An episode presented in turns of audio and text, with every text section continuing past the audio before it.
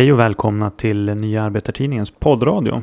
Jag heter David Kasa, redaktör på Nya Arbetartidningen. Har med mig Jan Hägglund, gruppledare i Umeå kommunfullmäktige för Arbetarpartiet och ansvarig utgivare också på Nya Arbetartidningen. Hej, hej du.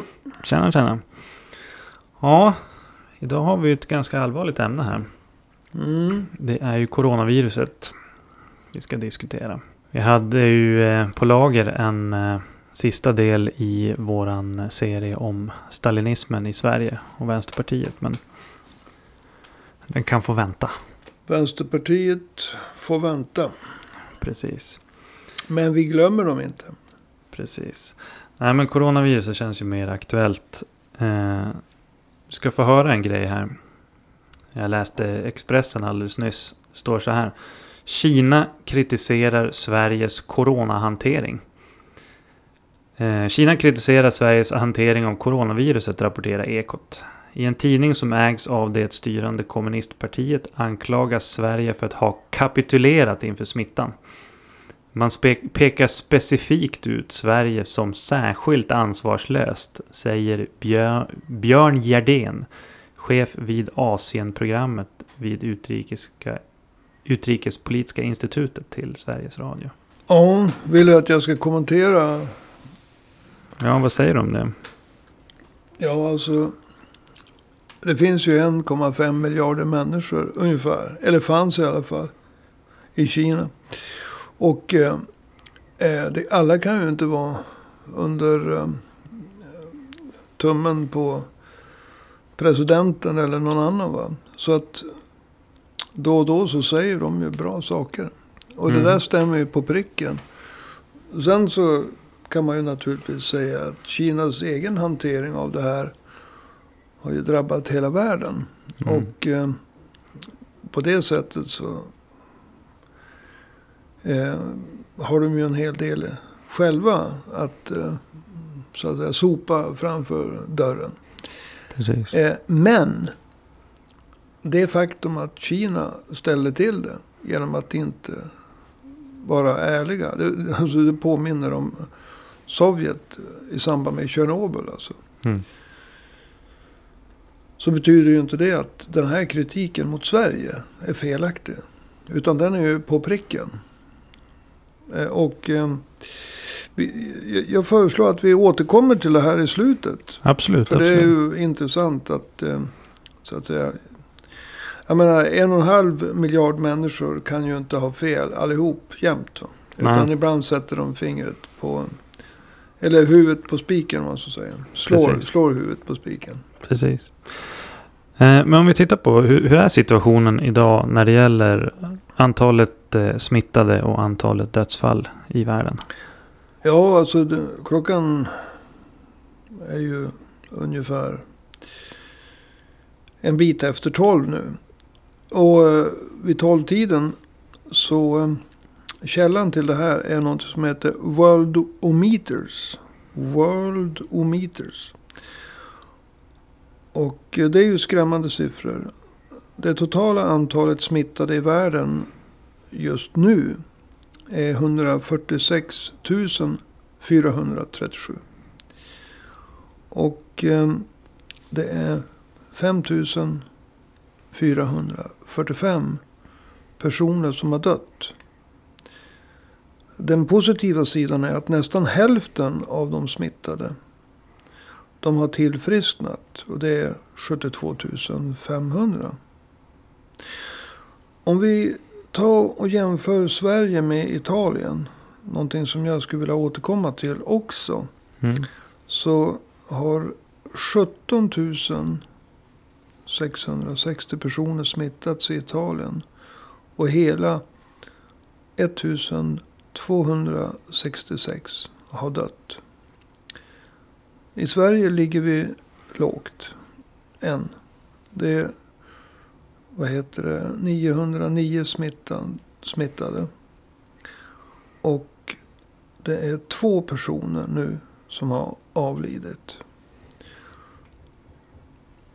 Så att eh, det ger en viss eh, uppfattning. Sen kan man väl säga att den statistik som kommer från Sverige och Italien är mer tillförlitlig, eh, skulle jag vilja säga, än den som kommer från länder som exempelvis Kina och Iran. Men det här är de siffror som vi har att gå på. Det här är de siffror som de olika länderna har rapporterat. Mm. Så cirka 147 000 smittade. Eh, drygt 5 000 döda. Hälften av de smittade har tillfrisknat. 900 bekräftade smittade i Sverige. Två avlidna. Italien mellan, ja jag skulle tro att det är kanske uppåt 18 000 smittade i Italien nu. Och 1266 döda i Italien. Yes. Eh, om vi tittar på hur allvarligt det här är. Men varken du eller jag är ju några experter på det här. Men vi, vi har ju eh, experter till vår hjälp. Att, att reda ut hur allvarlig situationen är. Nej, Om vi, om, vi, om vi tittar på eh, hur många är det som riskerar att drabbas där? Om man tittar på forskarnas. och in, beräkningar. in, innan vi går in så, så är det ju bra att vi betonar att vanligtvis så talar vi om politik, ekonomi, historia. Och det, det kan man ju en del om själv efter att ha varit aktiv. Eh, ja, så länge jag minns, så länge jag har minnen så pratar man politik och samhäll, samhällsfrågor hemma. Och man har ju lärt sig en del under tiden man har varit med organiserat sedan 1975. Men eh, i det här fallet så är det ju så att man kastar sig på utredningar, statistik, experter. Därför att det här berör ju samhället. Så att vi ska försöka ange källor till så mycket som möjligt av det Mm. vi säger. Och eh, när det gäller allvarligt i situationen så, så finns det en, en, en statistisk studie som är gjord i Kina. Det land som eh, drabbades först och störst. För hälften av alla smittade i världen är från Kina. I den officiella statistiken. Men allvarligt i situationen. Eh, och, och nu har, har vi. Eh, I dagens VK så finns det en, en person som jobbar på Umeå universitet och NUS. Alltså han jobbar. Vad är, vad är NUS för någonting för våra lyssnare? Norrlands universitetssjukhus. Mm. Norrlands regionsjukhus. Eh, eh, han, eh, han sitter i kommunfullmäktige. Du tänker på Fredrik Elg? Fredrik Elg. ELGH. Och sen så har vi också en Michael Osterholm. En eh, svenskättling skulle jag tro. Från eh, Minnesota. Eh, han jobbar på centret för smittsamma sjukdomar. På, eh, i, ja, i, i Minnesota, USA. Och eh, eh, det är de som har tolkat den här studien. Och de tolkar den ungefär på samma sätt. Samma sak Angela Merkel också. Och eh, om vi börjar med hur många kommer att drabbas i ett samhälle. Och då så räknar man med alltså mellan 60 till 70 procent av oss som sitter kring, kring det här bordet eh, kommer att drabbas av coronaviruset. Vi kommer bli sjuk helt enkelt. Mellan 60 och 70 procent. Mm. Och det är ju naturligtvis någonting som inte Stefan Löfven har gått ut och sagt. Nej. Du, svensk medborgare. Eh, du som har en familj. Du som tillhör en familj. På fyra personer. Tre av er kommer bli sjuk. 60-70 procent. Alltså det, är- det är så hög siffra. Och det är naturligtvis omskakande. Det är omskakande för alla familjer. Det är omskakande för alla arbetsplatser. Det är omskakande eh, rent mentalt. Men så många är det. Som kommer att drabbas. Om man ser till eh, hur, hur Av drabbas... smittan alltså. Ja, hur, hur drabbas man då? Ja, det är ju väldigt olika. Om vi går tillbaka till den här um, statistiska studien som är gjord i Kina. Och lyssnar på vad Fredrik Elg på um, NUS och Umeå universitet. Eller Mikael Osterholm i Minnesota säger. Så är det ungefär så här att 80 procent av de som drabbas. De kommer att drabbas relativt eh, de kommer drabbas ganska lite. Eller relativt lite. De kommer att ligga hemma och vara lite sjuka. Ungefär som Ja, men typ en vanlig förkylning ja, en, en, en vanlig förkylning. Va? Ja. Och jag menar, mina vanliga förkylningar de är ganska milda. Andras vanliga förkylningar är lite värre. Men alltså det är inte Mm. livshotande på något sätt. Utan eh, 60 till 80 procent av, som, av de som eh, blir sjuk, de blir milt sjuka. Men sen har vi ju resten. Och av de 15 procent då. De kan få ja, övre, vad heter det, eh, vad är det han säger, älg, luftvägarna eller är det Mm, lung, lung, precis. lung, lung, ja, övre luftvägsorganen blir angripna. Och de blir svårare sjuka. Mm. Och en del av dem, de kommer att behöva läggas in på lasarett. Mm. Men inte alla. Men inte, absolut inte alla. Utan Mm. bland de här 15 procenten. Som får en liksom, luftvägs... In, de, de övre luftvägarna angrips.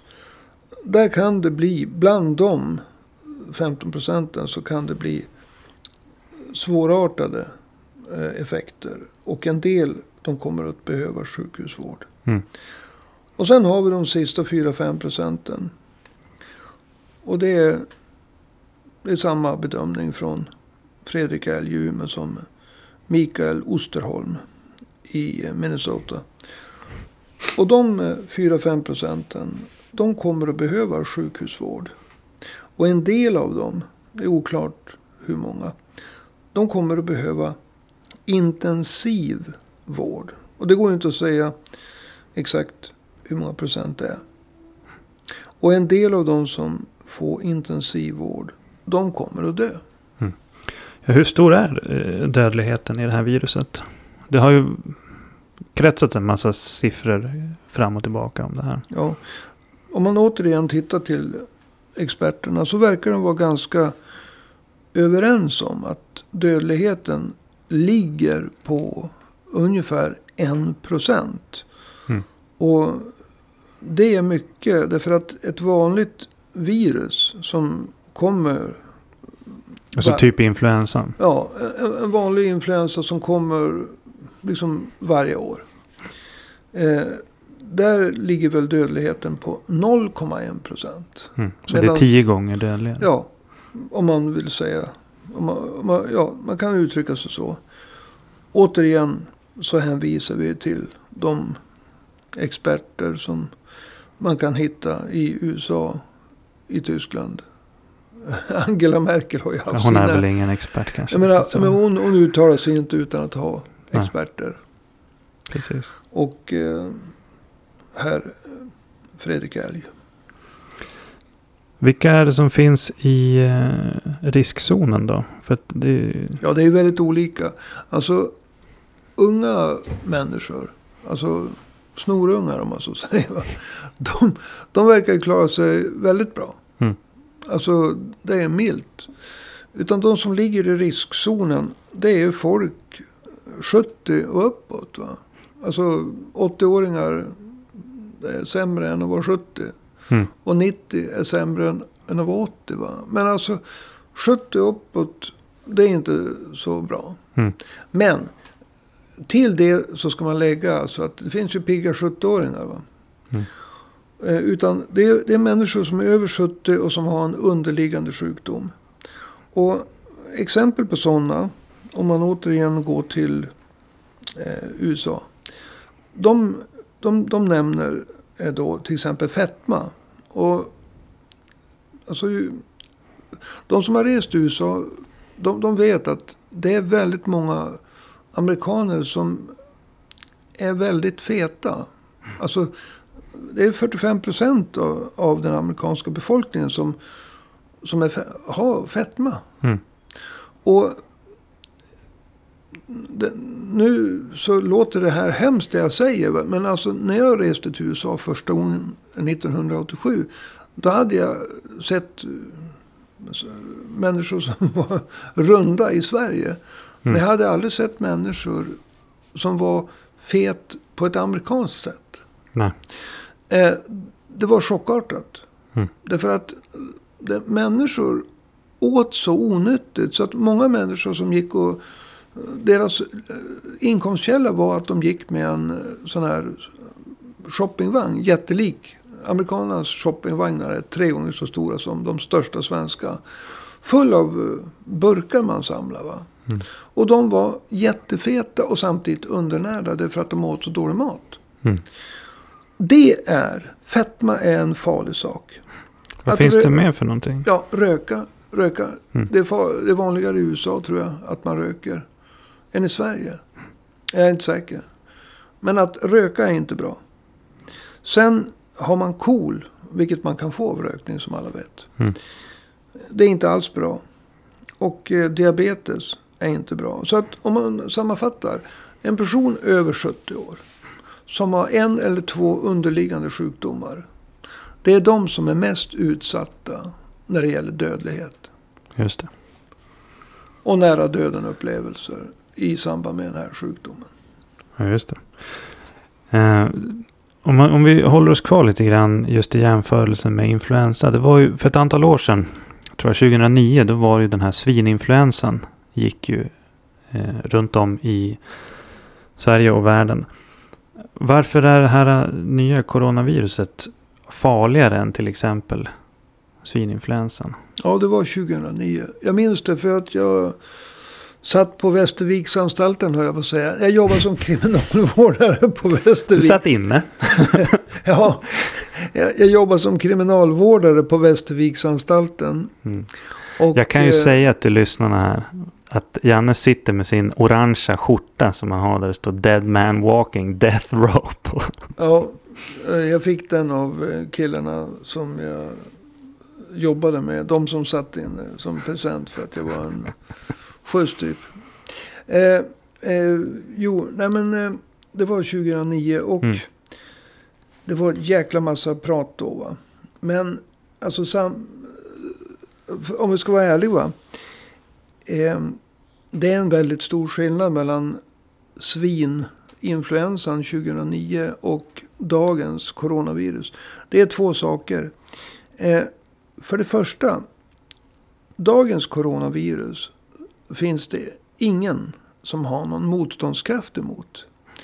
Men vi som har uppnått mogen ålder, vi hade samlat på oss en massa immunitet. Mm. Eh, från asiaten 1957 och framåt. Ja. Så att när svininfluensan kom så var det en del av oss, många, alltså som hade element av motståndskraft mot den. Mm.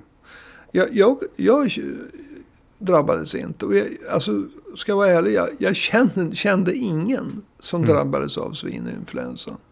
Det fanns väl vaccin mot den också? Och den, ja, den andra saken det är att det fanns vaccin. Och den kom, det kom snabbt fram. Så att då fanns det vaccin. Då fanns det immunitet i samhället. Mm. Nu finns det ingen vaccin och det finns ingen immunitet. Mm. Så det är bara... Det, det, det är alltså... Det är helt upp till hur samhället hanterar eh, det här. Alltså hur man försöker avgränsa människor från varandra. Eh, individer, grupper, resor och så vidare. Det är vad man kan göra. Alltså det handlar om samhällsplanering Mm.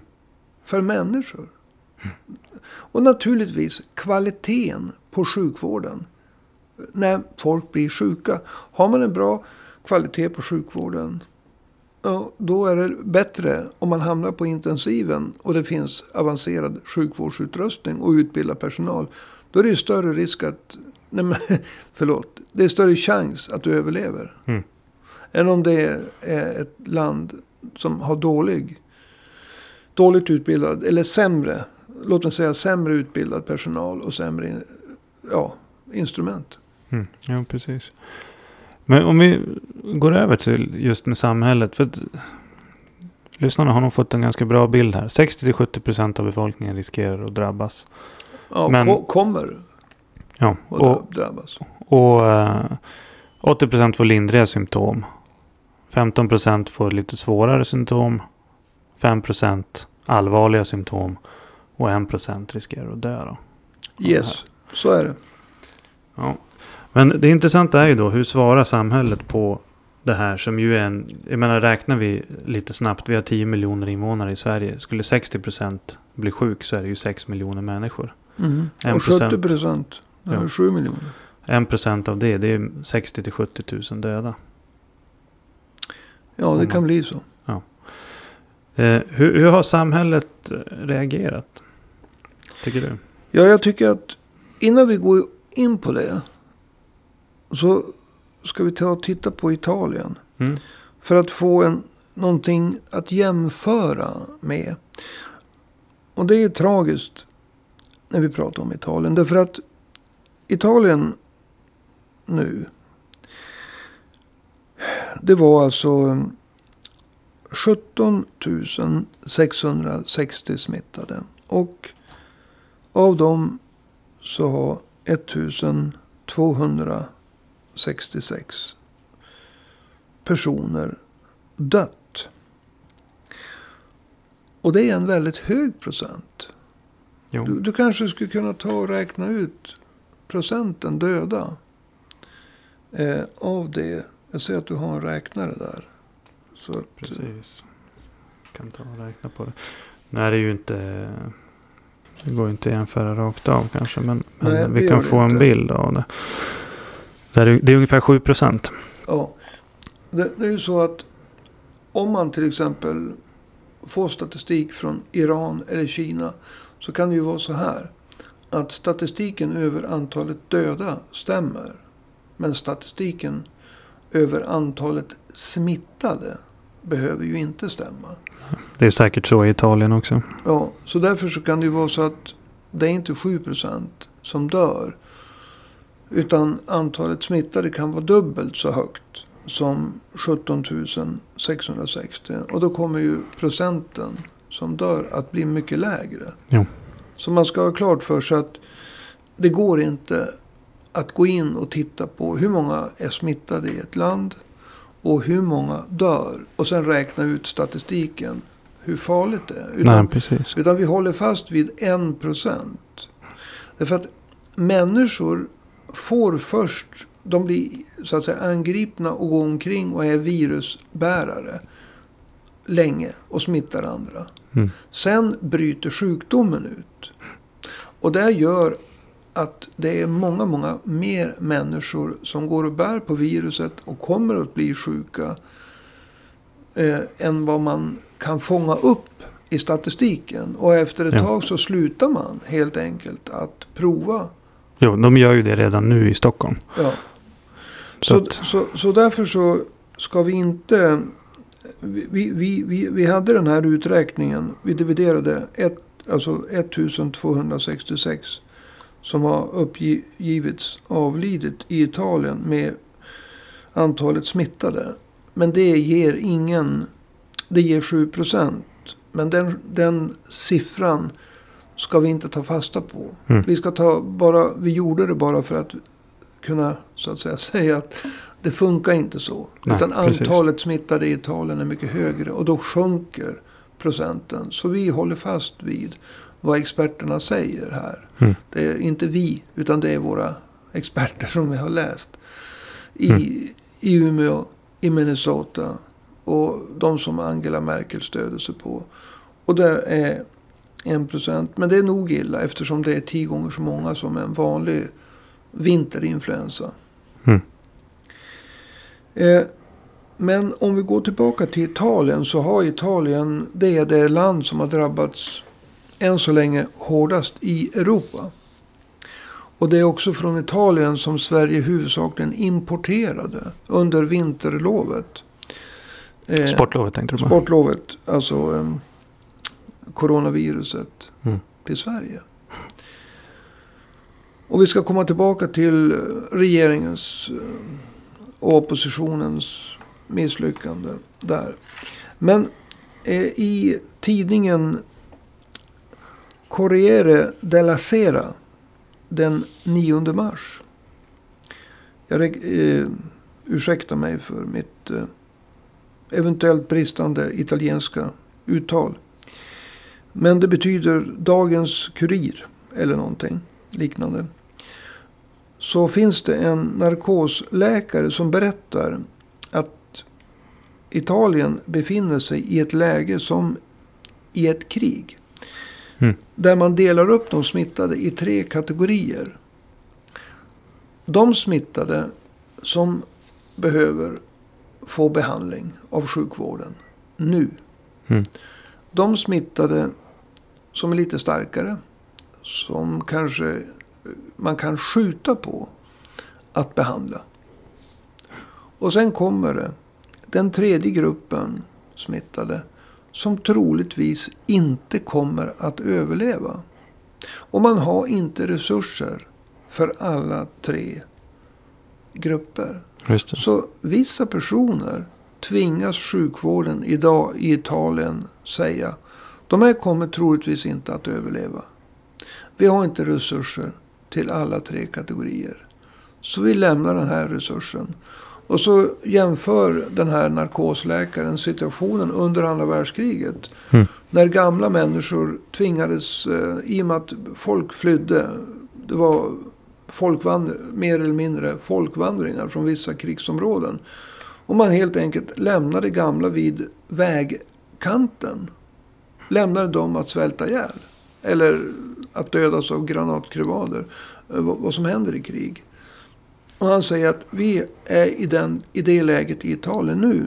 Mm. Att vi måste välja vilka som ska få hjälp och vilka vi, som vi... Ja, de väljer vilka som ska få dö helt enkelt. Vilka som ska troligtvis dö. Mm. Och det är den erfarenheten som alla beslutsfattare, politiska och beslutsfattare inom myndigheterna, inom sjukvården. Det, alltså det, det här är realiteten i Italien idag. Så att det vi ska undvika det är att hamna i en situation som Italien helt enkelt.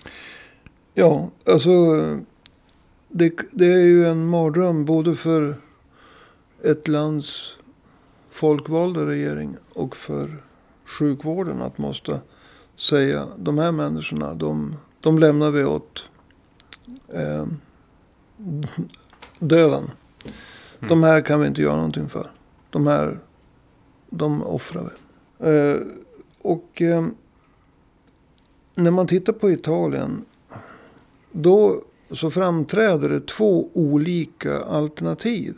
Och det ena är att antingen så fortsätter samhället, sjukvården och allting, eh, lag, lagstiftning och allting annat. Som vanligt. Alltså man fattar beslut men man fattar beslut inom ramen för det normala. Mm. Eller också så tittar man på Italien och så tänker man. Herregud, vi har, det finns två döda i Sverige. Och det finns en femtondel så många smittade som i Italien. Mm. Vad ska vi göra för att undvika att ham- hamna i samma situation som Italien? Och det andra alternativet då, det är att gå utanför ramen för det normala. Mm. Alltså att fatta vad som vanligtvis är onormala beslut. Alltså man måste välja business as usual Eller erkänna att Sverige befinner sig i vad som skulle kunna kallas för en eh, krigstidsliknande situation. Men vad finns det för några möjligheter att agera utanför ramarna så att säga? Ja, det finns ju en hel del som man kan göra. Och som jag, det måste jag ju Säger jag rakt ut, anser att man ska göra. Alltså, om, om man erkänner för sig själv. Om ett lands politiska ledning erkänner för sig själv att eh, landet befinner sig i en krigstidsliknande situation. Där coronaviruset är fienden. Då måste man eh, fundera på hur många sjukvårdsplatser finns det? Hur många platser för intensiv sjukvård finns det? Och hur mycket personal finns det? Och om man då kommer fram till att det finns för lite platser och det finns för lite personal. Hur ska man då göra för att öka antalet platserna eh, för de som är sjuka, för de som är svårt sjuka? Och hur ska man öka eh, antalet sjukvårdsanställda? Mm. Och det finns två skäl till att man måste fästa speciell uppmärksamhet till antalet anställda inom, inom sjukvården. För det första, det, det kommer ju att bli en massa fler sjuka. Men det andra det är ju att även de som, alltså i och med att det inte finns något virus, alltså vaccin. I och med att det inte finns något immunförsvar mot eh, coronaviruset. Så är det ju inte bara det att det, den sjukvårdspersonal som vi har nu kommer att få många, många fler att ta hand om. De kommer ju själva, alltså sjukvårdspersonalen kommer ju att bli sjuk.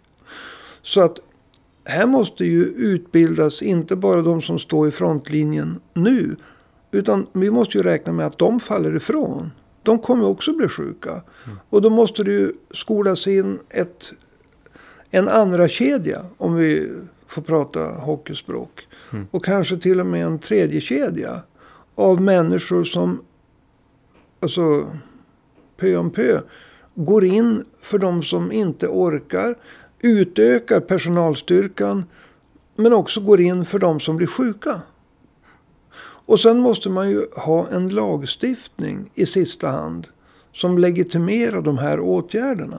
Ja, vad finns det för möjligheter eh, utifrån de lagarna som finns idag? Ja, det första jag vill säga det är att, och det behövs sägas, alltså den personal som jobbar inom sjukvården i Sverige, de kommer att göra sitt allra bästa. Och de är duktiga. Och vi har en mycket, mycket bra sjukvård. Men, som jag sa, eh, de kommer att få väldigt många patienter. Alltså mellan 60 och 70 procent kommer att bli sjuka kommer att drabbas hårt eller inte fullt så hårt. Och det gäller ju även personalen. Och därför måste man så att säga skaffa reserver. Eh, och det, det, är inte, inte reserver i någon sorts nedlåtande. Utan man måste helt enkelt öka personalstyrkan. Dels den, de som finns på plats här och nu och dels de som går in istället för de sjuka. Men jag vill börja med att säga att personalen kommer att göra ett bra jobb. De gör ett bra jobb. Så att jag vill inte ta upp den här frågan om lagstiftning på grund av att jag tror att personalen måste hotas med lagar för att jobba. Tvärtom. Men i... Eh, det finns... Eh, låt oss säga nu att det kommer en sån här kryssare som Diamond Prin Princess. Uh, jag vet inte från vilket land den var. Men den hade 3700 passagerare ombord. Ja, den åkte från Hongkong. Var den fylld med japaner? Jag har ingen aning. Men den, jag tror den är förankrad utanför Japan Ja. idag. Diamond Princess. Eller... Och där fanns det 3700 eh, människor totalt. Jag tror att cirka 500-600 var eh, sådana som jobbade på båten. Och resten var passagerare. Och eh, eh, om det kommer en sån båt där coronaviruset har fått fritt fram. Så finns det en otrolig massa sjuka människor. Och då kan man måste sätta människor i karantän. Och då finns det, alltså karantän betyder att människor mot sin vilja blir isolerade. Därför att de är farliga för omgivningen. Och det här är en av de lagarna som kan komma att måste användas. Och då finns det smitts, smittskyddslagen. Tredje kapitlet, nionde paragrafen. Där beskrivs det om eh, karantän. Och eh, karantän betyder alltså att eh, det finns vissa eh, platser. Till exempel hamnar, flygplatser. Som ska ha den utrustningen. Eh, och den personalen. Och de byggnaderna. Att man kan eh, utan att utsätta andra människor för, en, för smittspridning. Eh, ställa diagnos.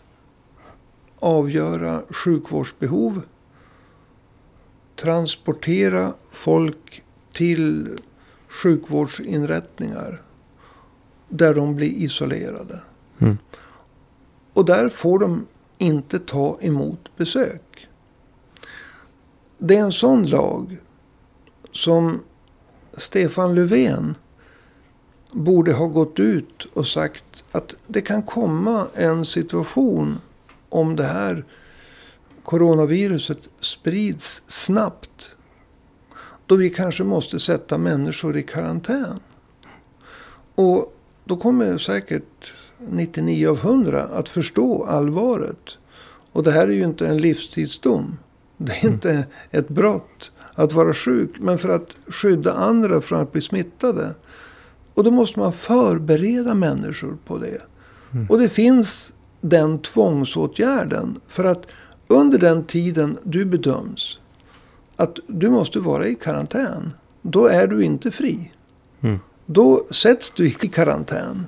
Mm. Och du får inte ta emot besökare. Så att det är en av de lagar som man kan måste använda för att slippa. Och jag vill repetera siffrorna i Italien. Alltså de officiella siffrorna är 17 660 smittade och 1 266 döda. I Sverige är det fortfarande det är två döda. Och vi vill inte att det ska bli som i Italien. Så smittskyddslagen är ett instrument av flera. Och att sätta människor i karantän. Det är en obehaglig åtgärd, men den kan komma i fråga. Vart finns de här äh, möjligheterna till karantän då? Du pratar om flygplatser. Ja, det här är ju intressant.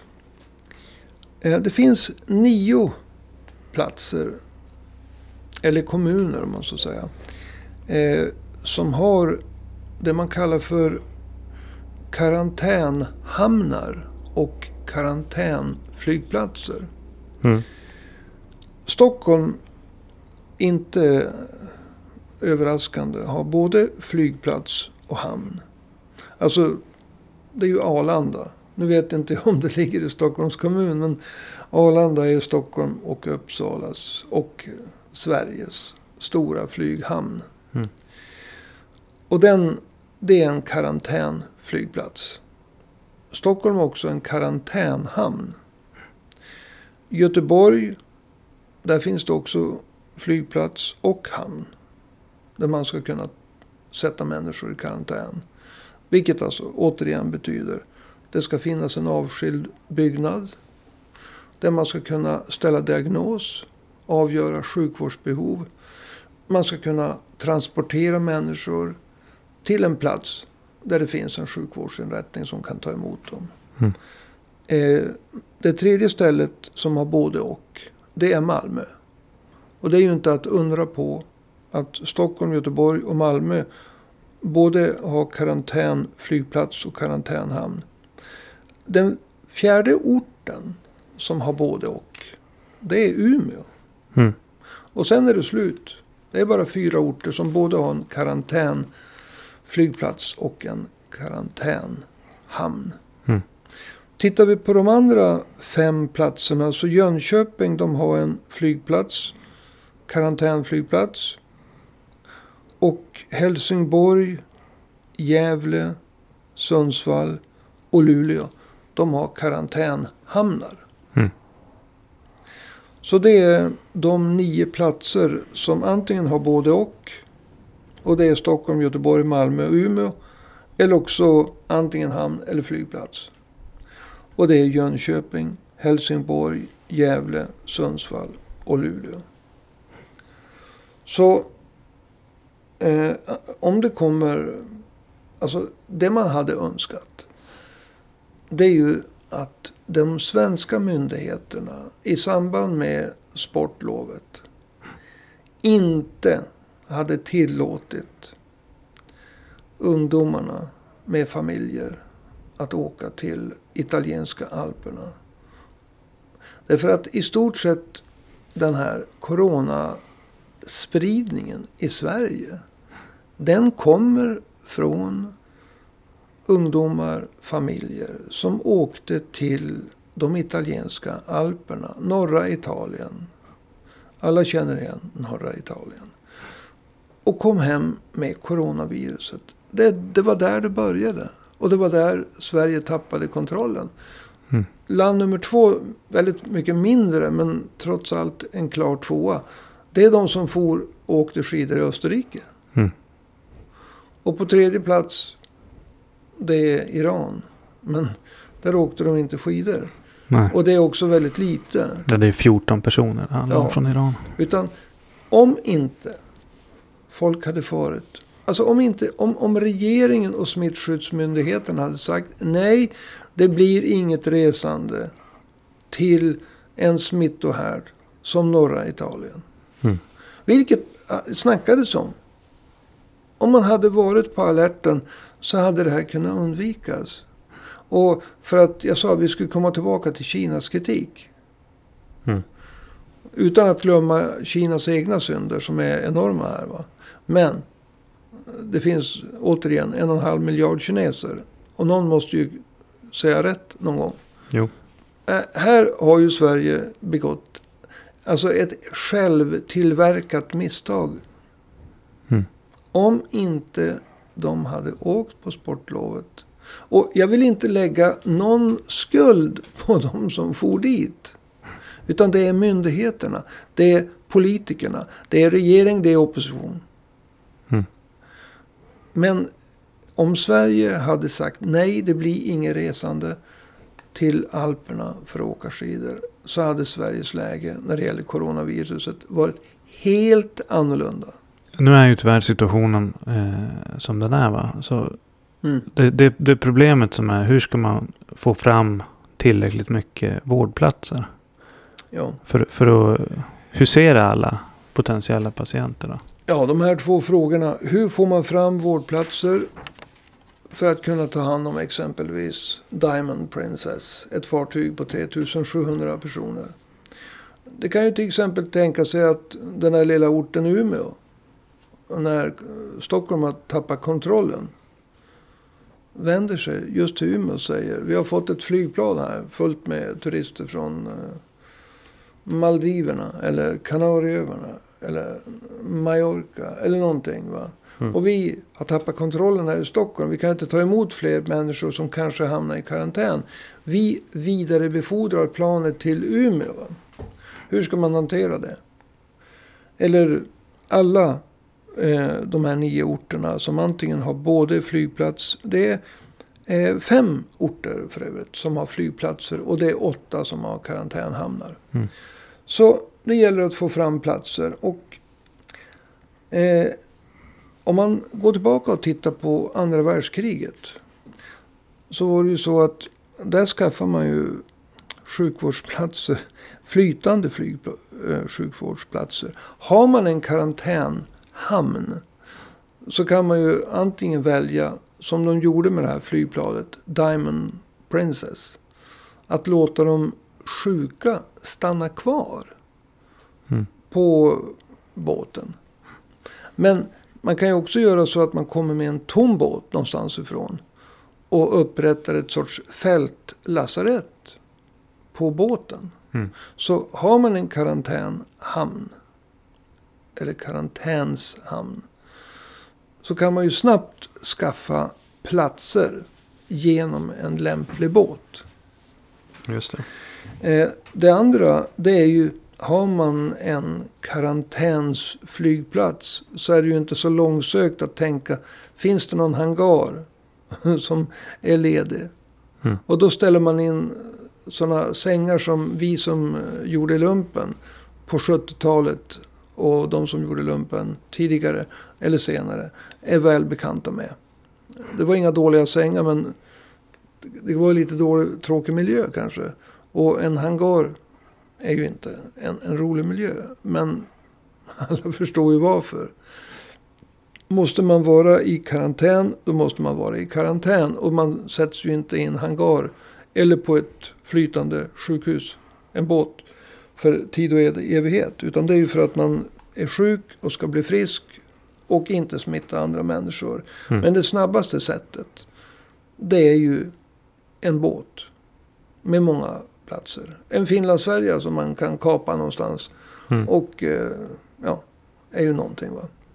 Och en tom flyghangar. Sen skulle jag vilja säga, eftersom jag känner till lite grann. Jag har haft en släkting eh, i, på Hällnäs sanatorium. Där folk förr i tiden låg och hostade i tbc. Mm. Ifall man hade underhållit det. Så hade det varit ett utmärkt ställe. Ganska isolerat. Mm. Där man hade kunnat förlägga människor. Det, det är ungefär som en, eh, ett militärlogement. Ja, det Ut- finns ju många sådana Ja. runt om i landet. Men de har ju fått förfalla, liksom allt annat. Men eh, vårdplatserna, de måste ju bemannas av personal. Och du har ju varit inne på det där eh, lite grann. Eh, att, jag menar, det är klart att vårdpersonalen själv kommer ju vilja ställa upp i ett sånt här läge. Men finns det några ytterligare åtgärder man kan vidta för att få fram tillräckligt med personal för att kunna ta hand om alla? Jo, det gör det. Men alltså vi kan ju stanna det, här. Alltså alla erfarenheter.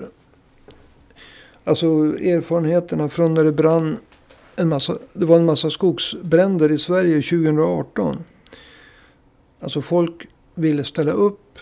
Mm. Men det fanns inte kapacitet att sätta dem i arbete. De hade inte utrustning till alla som ville jobba. De hade inte arbetsledare. Men folk ville ställa upp. Och i Italien nu så vill folk, ställa upp. Men man kan inte hantera all tillströmning. Och när det gäller alla bränder i Australien det, un- under den här vintern. Mm. Så har folk velat ställa upp. Alltså det, det är en enorm offervilja. Folk vill, folk känner att de behövs. Plötsligt så är samhället demokratiskt på något sätt. Mm. Man är behövd. Så jag tror inte att, att, att det kommer att vara något problem med att få folk att ställa upp. Men det finns både en del kollektivavtal som ger avtalsvägen eh, som gör att folk eh, kan ställa upp och jobba extra. Men kollektivavtalen räcker ju inte speciellt länge. Det är ingen lag. Eh, skulle det behövas så finns det en skarp, eh, för att tala det språket. Eh, det finns något som heter lagen om totalförsvarsplikt från 1994. Den fanns tidigare också. Eh, kapitel 6 talar om den allmänna tjänsteplikten. Och Man kan läsa vidare att regeringen eller myndighet som regeringen delegerar beslutanderätt till kan bestämma att de människor som omfattas av totalförsvarsplikten. Och det är ju alla i arbetsför ålder och lite till. De kan åläggas att, om de till exempel är sjukvårdsutbildade, att jobba på med, med de coronasjuka. Om de är utbildade för att transportera så kan de åläggas att transportera sjuka eller saker som de sjuka behöver. Så att eh, det finns stöd i lagen för att skaffa fram liksom reserver för den sjukvårdspersonal som idag är otillräcklig och för den sjukvårdspersonal som kommer att bli sjuka själva. Men som sagt återigen, jag tror inte det kommer behövas. Jag tror att folk vill ställa upp i ett sånt jo. här läge. Och, ja, det har de sett i Italien också. Ja. Utan, folk jobbar ju trots att de själva är sjuka i coronaviruset. Ja. Och det är den sista lösningen. Mm. Inte den bästa. Nej. Sverige har fortfarande trots nedskärningarna en väldigt bra sjukvård. Och Sverige har eh, människor som är väldigt motiverade. Speciellt i den här situationen. Men i slutändan finns det en skarp lagstiftning. Som också är tvingande. Så att det går att få fram både platser. Det finns lag om karantän. Och det, går, och det kommer att gå att få fram eh, människor som tar hand om de sjuka. Problemet, det stora problemet, det är att någon måste slå an tonen. Någon mm. måste förbereda befolkningen på att 60 till 70 procent av er, kära svenska medborgare och andra boende här. Ni kommer att bli sjuka mer eller mindre i coronaviruset.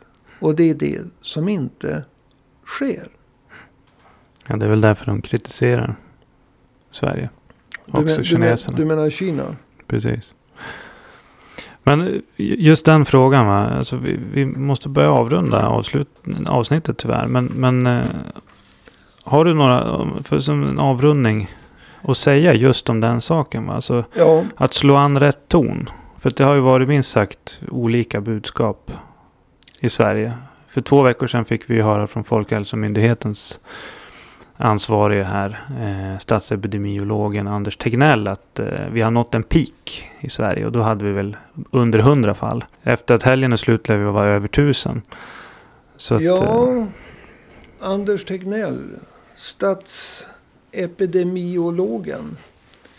Han är ju ett skräckexempel på hur man inte ska göra. Det finns ett uttryck i USA, not on my watch. Mm. Den karn, statsepidemiologen Anders Tegnell, pratade och pratade. Men när det gällde, vad gjorde han? Jo, han for inte och åkte skidor i Alperna. Utan han for på ett projekt som man kunde ha skjutit på ett år till Somalia. Mm. Alltså han var inte hemma när det gällde. Jag snackar om att desertera. Alltså han deserterade.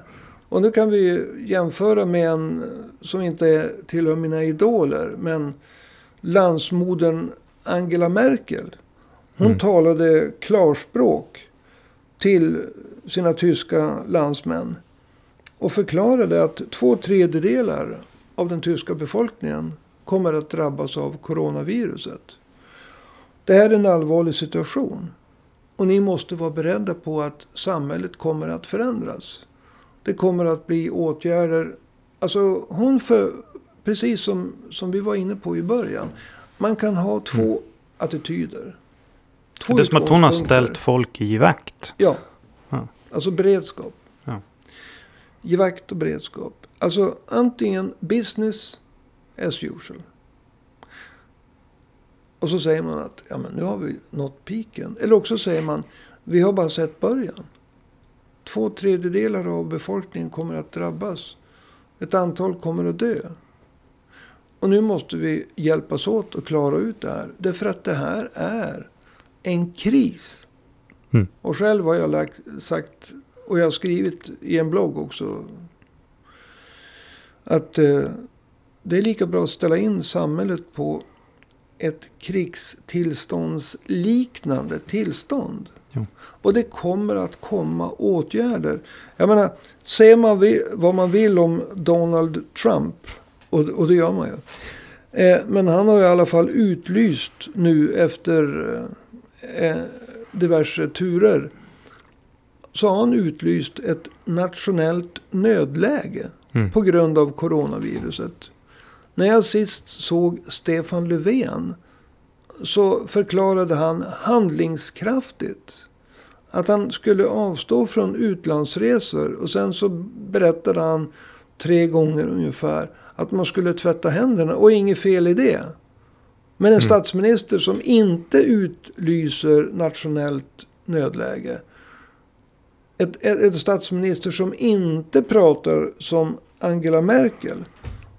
När Mm. hon liksom förbereder hela tyska befolkningen på att nu blir det hårda tider. Utan en statsminister som bara säger att han ska avstå från utlandsresor och tvätta händerna. Det är inte mycket Nej, att nej. komma med. Trump har ju tillskjutit dessutom 50 miljarder dollar. Ja. Såg jag idag. Ja, en detalj i sammanhanget som är värd att notera. Jo, När Trump fattade, då fattade han. Jo. Och det som man kan hoppas, det är att de beslutande myndigheterna och de beslutande politikerna någon gång kommer att fatta i Sverige. Och eh, det är ju därför som Kina pekar just på Sverige. På grund av den enorma handfallenheten. Sverige kan inte fatta hårda beslut. Mm. I alla fall inte efter, alltså inte före kärnvapenkriget. Va? Nu vill jag inte jämföra här med kärnvapenkrig. Absolut inte. nej. Men jag, jag använder ordet krigstillståndsliknande situation. Därför att det finns många typer av krig. Och eh, det här är ett virus som till skillnad från pest, eh, svinpesten. Svininfluensan tänkte du? Ja, ja, Pesten, det var väl lite att ta i tror jag. det var lite att ta i. Nej men alltså till skillnad från svininfluensan. Folk hade motståndskraft. Mm. Det gick snabbt att få fram ett, ett, ett vaccin. Här finns det ingen motståndskraft. Här finns det ingen vaccin. Två tredjedelar kommer att bli sjuka. De flesta, 80 procent, kommer att bli milt sjuka. Men det finns 20 procent. Och bland dem ett okänt antal som kommer att behöva att ligga på sjukhus. Ett okänt antal som kommer att behöva intensivvård. Och Mm. cirka 1 procent kommer att dö. Mm. Och det är det man måste ställa in samhället på. Och det har inte Sverige gjort. Mm. Och där har Kina rätt i sin kritik. Även om vi alla vet att Kina var de ursprungliga bovarna. Precis. Men det berättigar inte att Sverige är handlingsförlamat. Nej. Och det gäller alltså inte de som jobbar med provtagning på alla lasarett. Inte de som tar hand om alla de som har fått coronaviruset. De jobbar bra. Det är på de högre nivåerna. De som sticker till Somalia Mm. när det gäller. De som inte kan utlösa nationellt nödläge och tillskjuta pengar. Utan som pratar om att de själva inte ska resa utan tvätta händerna. Det är de som brister. Precis. Vi måste komma tillbaka till det här känner jag. Jag blir Absolut. så förbannad när jag tänker på att de svenska myndigheterna, det spelar ingen roll vad det är. De kan inte fatta beslut. Nej. Folk väntar bara på ledarskap, men de får inget ledarskap. Nej, det är ju stort och smått. Ja, nej men vi, vi får definitivt återkomma till det här. Alltså inte minst en sak som vi inte har berört alls idag. Det är ju också de konsekvenserna på ekonomin. Börserna faller och, och, och ekonomin faller. Det är någonting vi också kommer anledning att återkomma till. Vad är det man Men- brukar säga? En ståplats i Nybroviken eller? Ja, det är när man ska ta koll på folk. Ja, det, det, börserna faller ungefär på det sättet. Ja. Men du, eh, jag får tacka så mycket för idag. Jo, Och... man eh, får ju hoppas att man är i form nog att komma hit nästa gång. Ja, precis, precis. För jag tänker komma hit nästa gång. Ja. Förhoppningsvis utan att smitta andra. Precis.